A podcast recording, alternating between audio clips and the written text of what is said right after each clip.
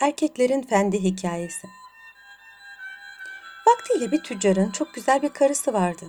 Çok kıskanç olan bu tüccar, karısının kendisini başka birisiyle aldatmaması ve yabancı bir erkek görmemesi için onu şehir haricinde yaptırdığı kale gibi bir saraya kapatmıştı. Tüccar seyahate çıktığı zaman o sarayı kilitler, anahtarını da yanına alırdı. Bir gün o memleketin şehzadesi şehir haricinde gezinirken saray dikkat nazarını çekti. Yanına yaklaştı. O sırada pencerenin kenarında oturan genç ve güzel kadını gördü. Kadın çok hoşuna gitti. Hemen bir kağıda aşkını ifade eden birkaç satır yazdı ve onu bir oka bağlayarak sarayın penceresinden içeri attı. Tüccarın karısı o tezkereyi aldı, okudu. Şehzadeyi beğendiği için hemen karşılığını yazdı ve buluşmak için bir çare düşünmesini istedi. Bunun üzerine şehzade kendisine ait büyük bir sandığın anahtarını atıp bunu yanında saklamasını bildirdi. Şehzade ertesi gün itimat ettiği vezirlerden birini yanına çağırdı. Ben şimdi büyük bir sandığın içine gireceğim ve üstüme kapayacağım. Sen de bu sandığı alıp falan tüccarın şehir haricindeki sarayına götüreceksin. Ve kendisine şehzadenin size selamı vardır. Sizin doğru ve emniyetli bir tüccar olduğunuzu bildiği için bu sandığı muhafaza etmenizi istiyor diyerek ona bu sandığı teslim edeceksin. Gecenin sona erdiğini gören Şehrazat hikayesini burada bıraktı. Ertesi gece kocasının isteği üzerine yeniden anlatmaya başladı. 623. gece Şehzade adamına bu talimatı verdikten sonra sandığa girdi ve üzerini kapadı. Vezir de sandığı bir hamala yükletip şehir haricine götürdü. O sırada seyahatten dönen tüccara vererek şehzadenin söylediklerini tekrarladı. Tüccar şehzadenin bu hizmetini bir iltifat telakki ederek memnuniyetle sandığı aldı ve odasına koydu. Ertesi gün tüccar bir iş için taşraya gidince karısı yanında bulunan anahtarla sandığı açtı ve şehzade ile bir odaya kapanıp eğlenmeye başladı. Şehzade tüccarın karısıyla yedi gün kadar hoşça bir vakit geçirdi. Nihayet bir gün hükümdar oğlunu sordu. Onun nerede olduğunu bilen vezir yakın bir yere gitti. Şimdi gidip çağırayım diyerek tüccarın evine gitti. Tesadüfen o gün tüccar da seyahatten dönmüştü. Veziri görünce güler yüzle karşılayarak herhalde emaneti almaya geldiniz değil mi diye sordu. Vezir başını sallayarak evet dedi. Şehzadeye lazım oldu. Zahmet olmazsa getirin. Tüccar hemen yukarıya çıktı. Kocasının çabuk geleceğini ummayan kadın şaşırdı. Şehzadeyi sandığa koydu fakat aceleyle kilitlemeyi unuttu. Biraz sonra hamal sandığı taşırken kapısı açıldı ve şehzade meydana çıktı. Bunu gören tüccar her şeyi anladı. Şehzadeye bir şey yapamadı ama karısını boşayarak ölünceye kadar bekar yaşamaya ahdetti. Gözde hikayesini burada bitirdikten sonra hükümdarım dedi. İşte anlattığım gibi yalnız kadınlar değil, erkeklerin içinde de ne şeytan olanlar vardır. Sabah olmuştu. Şehrazat gülümseyerek hikayesini ara verdi. Hükümdar da masala ertesi akşam devam etmesini istedi.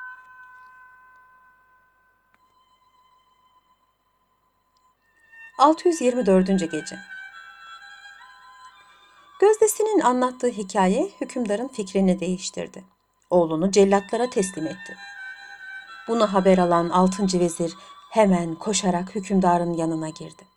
Hürmetlerini sunduktan sonra Haşmet Meab dedi. Ciğerpareniz olan sevgili oğlunuzu merhametsiz celletle, cellatların eline vermekte acele ettiniz. Hakikat güneşi elbet doğacaktır ve verdiğiniz kararın yerinde olmadığını er geç anlayacaksınız. Kadınların ne yaman mahluk olduğunu anlamanız için müsaade ederseniz size bütün bir devlet erkanını kukla gibi oynatan bir kadının macerasını anlatayım. Hükümdar meraklandı. Vezirine anlatmasını söyledi.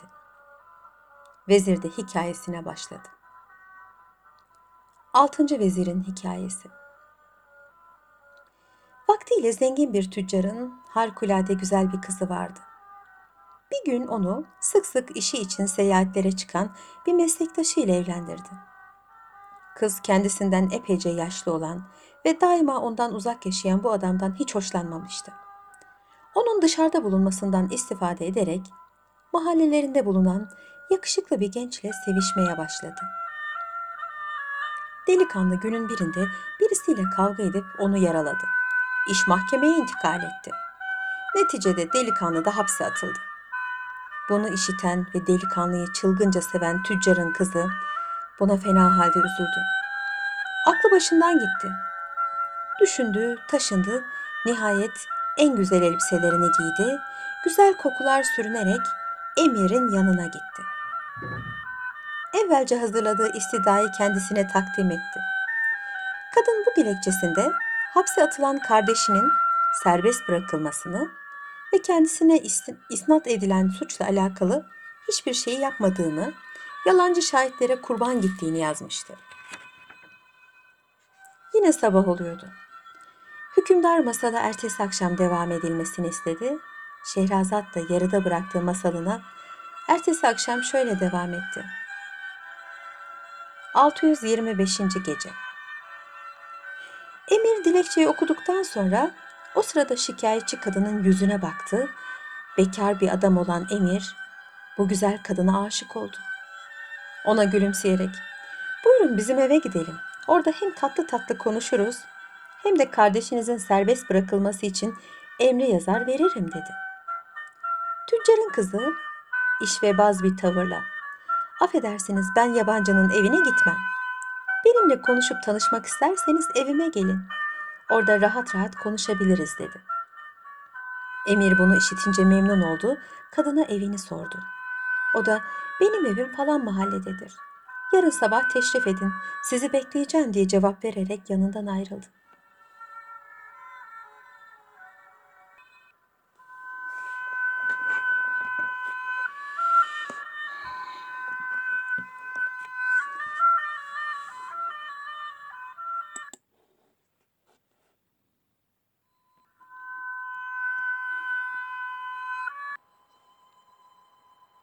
627. gece. Emir kadının istediği emri yazıp verdi. Kadın da teşekkür ederek bir içki kadehi doldurup uzattı. Emir büyük bir neşe ve heyecan içinde bu güzel kadının elinden kadehi aldı içti. İkinci kadehi içeceği esnada birdenbire kapı çalındı. Emir telaşa düştü. Kadın sahte bir heyecanla aman efendim kocam geldi fakat ben onu çabuk savarım. O gidinceye kadar siz dolabın şu gözüne giriniz dedi. Emir kısa bir tereddütten sonra kadının gösterdiği büyük dolaba girdi. Kadın dolabı kilitledi. Koşup kapıyı açtı.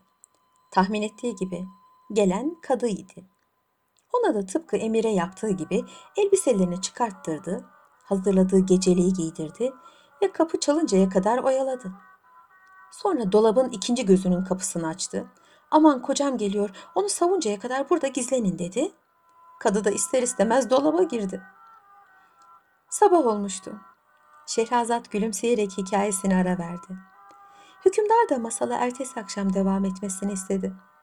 Şehrazat o akşam tatlı tatlı anlatmaya başladı.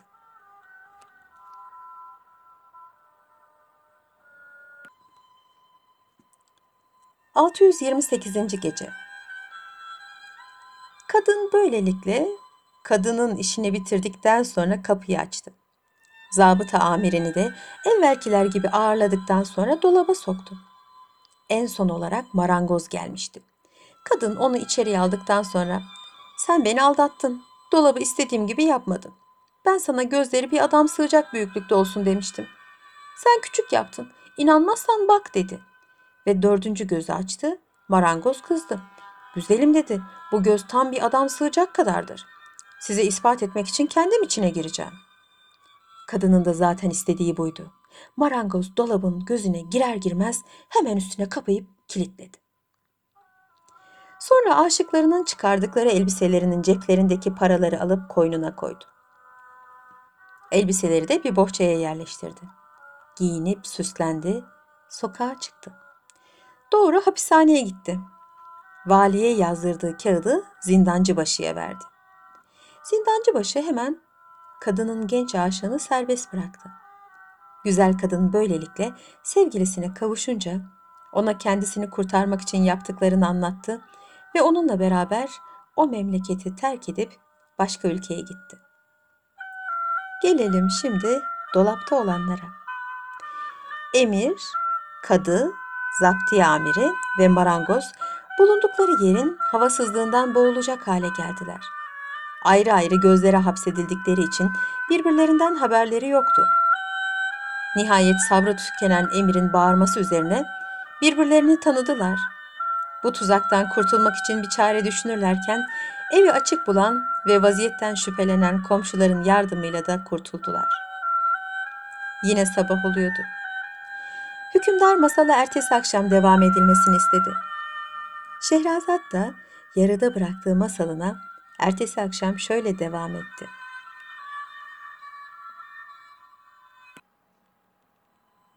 ...629. Gece Komşular emirin, hakimin ve zaptiye amiriyle marangozun renk renk geceliklerine ve başlarındaki külahlara bakarak gülmekten kendilerini alamadılar. Başlarına gelen bu garip maceranın sebebini öğrenince hemen koşup sokağa çıkabilmeleri için onlara elbiseler getirdiler. Bir ikiler bu elbiseleri giyip mahcup bir halde evlerine gittiler.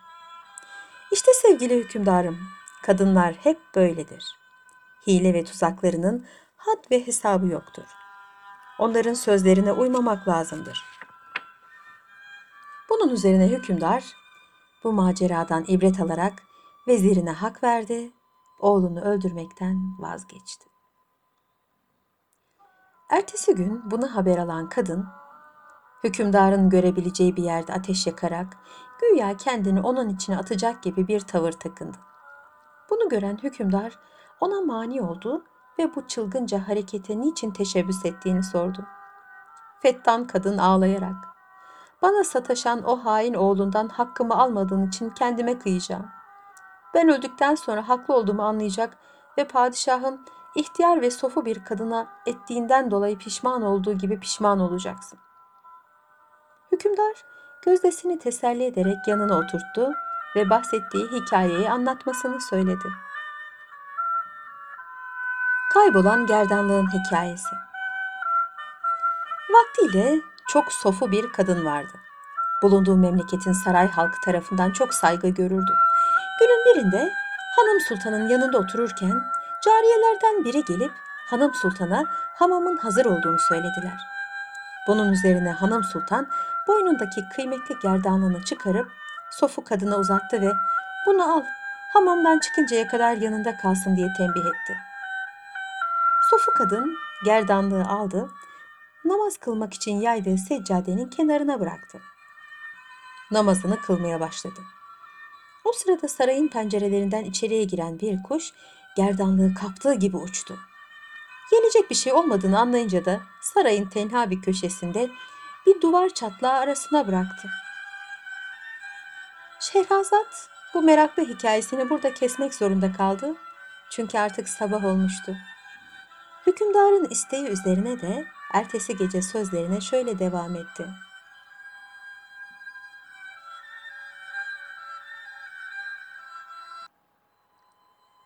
...630. Gece Hanım Sultan hamamdan çıkıp ihtiyar kadından gerdanlığı isteyince... ...Sofu kadın onu bıraktığı yere baktı, yoktu. Odanın her tarafını alt üst etti, uğraşması boşa çıktı. Hanım Sultan'a hakikati söylemekten başka çare bulamadı. Buna fena halde sinirlenen Hanım Sultan padişaha hadiseyi anlattı. Sert huylu ve zalim olan padişah Sofu kadının hırsızlığını hükmederek işkence edilmesini emretti. İhtiyar kadın kendisine yapılan işkencelerin haksız olduğunu, gerdanlığı kendisi çalmadığını, koyduğu yerden nasıl sır olduğuna şaştığını her ne kadar söylediyse de kimseye söz dinlettiremedi. Yediği dayaklar ve gördüğü işkenceler yetmiyormuş gibi bir de zindana atıldı.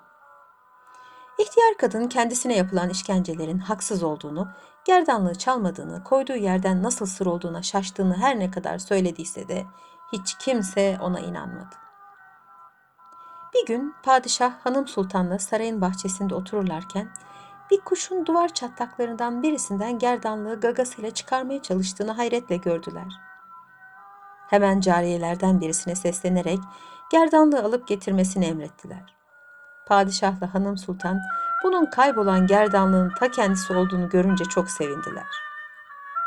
Bir taraftan da Sofu kadına yaptıkları haksızlıktan dolayı çok pişman oldular. Derhal onu serbest bıraktılar ve ayaklarına kapanarak af dilediler. Sofu kadın o günden sonra insanlardan uzak yaşamaya karar vererek dağa çekildi.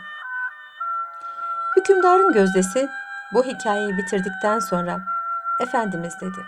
Buna benzer daha meraklı bir hikayem var. Onu size anlatayım.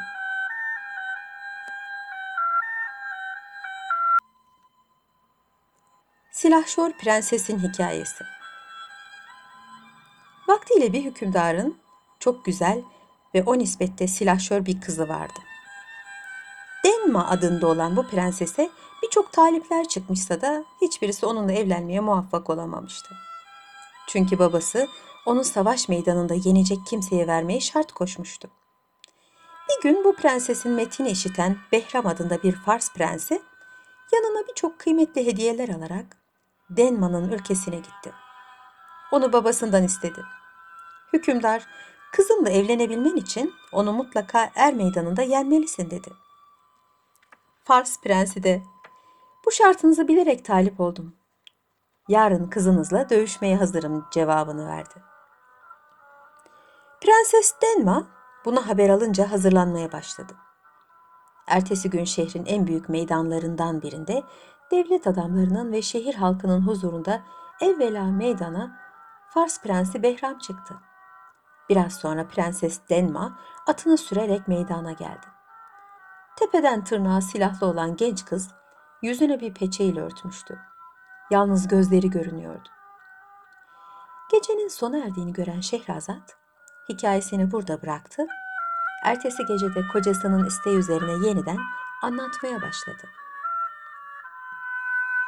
631. Gece Çok geçmeden dövüşmeye başladılar. Farslı Behram iyi bir silahşördü. Daha ilk hücumunda Denma'yı oldukça tehlikeli bir duruma sokmaya muvaffak olmuştu. Prenses bu seferki hasmının kolay kolay sırtı yere gelecek yiğitlerden olmadığını ve onu mağlup etme ihtimalinin olmadığını fark etti. Onu başka bir şekilde yenmeye karar verdi. Usulcacık güzel yüzünü örten peçeyi kaldırdı. Prens Behram onun ay parçası gibi yüzünü görünce şaşırdı. Elinden kılıç düşer gibi oldu, eli ayağı tutmaz oldu. Planına muvaffak olduğunu gören Denma bu fırsattan istifade ederek birdenbire Behram'ın üzerine hücum etti. Genç yiğit mukavemet edemedi ve Denma'ya esir oldu. Prenses ondan evvel mağlup ettiği taliplerine yaktığı gibi onun silahını ve atını aldı. Alnına da kızgın bir demir parçasıyla bir işaret yaptı. Behram'ın hadiseye fena halde canı sıkıldı. Mahiyetindeki adamları babasına yollayarak kendisinin artık yurda dönmeye yüzü olmadığını söyledi. Ayrıca bu hususta babasına bir mektup yolladı ve muradına ermeden bulunduğu yeri terk etmeyeceğini ilave etti. Fars hükümdarı oğlunun gönderdiği mektubu alınca çok müteessir oldu. Büyük bir ordu hazırlayıp Denma'yı zorla oğlunu almayı düşündü. Fakat vezirleri kendisiyle böyle tehlikeli bir maceraya atılmasının yersiz olduğunu, buna bir hal çaresi bulununcaya kadar da sabretmesini tavsiye ettiler. Prens Behram ise muradına hile ile ermeyi tasarladı. İhtiyar bir bahçıvan kılığına girerek Prenses Denma'nın has bahçesine çalışmak bahanesiyle sevgilisine yakın olmaya karar verdi. Ertesi gün yanına getirdiği altın ve mücevheratı koynuna koyarak ihtiyar bir bahçıvan kılığına girdi ve prensesin has bahçesine gitti. Oranın bahçıvanına sokularak uzak bir yerden geldiğini, gençliğinde bahçıvanlıkla hayatını kazandığını söyledi ve ona iş vermesini rica etti. Sabah olmuştu. Şehrazat gülümseyerek hikayesini ara verdi. Hükümdar da masalı ertesi akşam devam etmesini istedi. Şehrazat o akşamda tatlı tatlı anlatmaya başladı.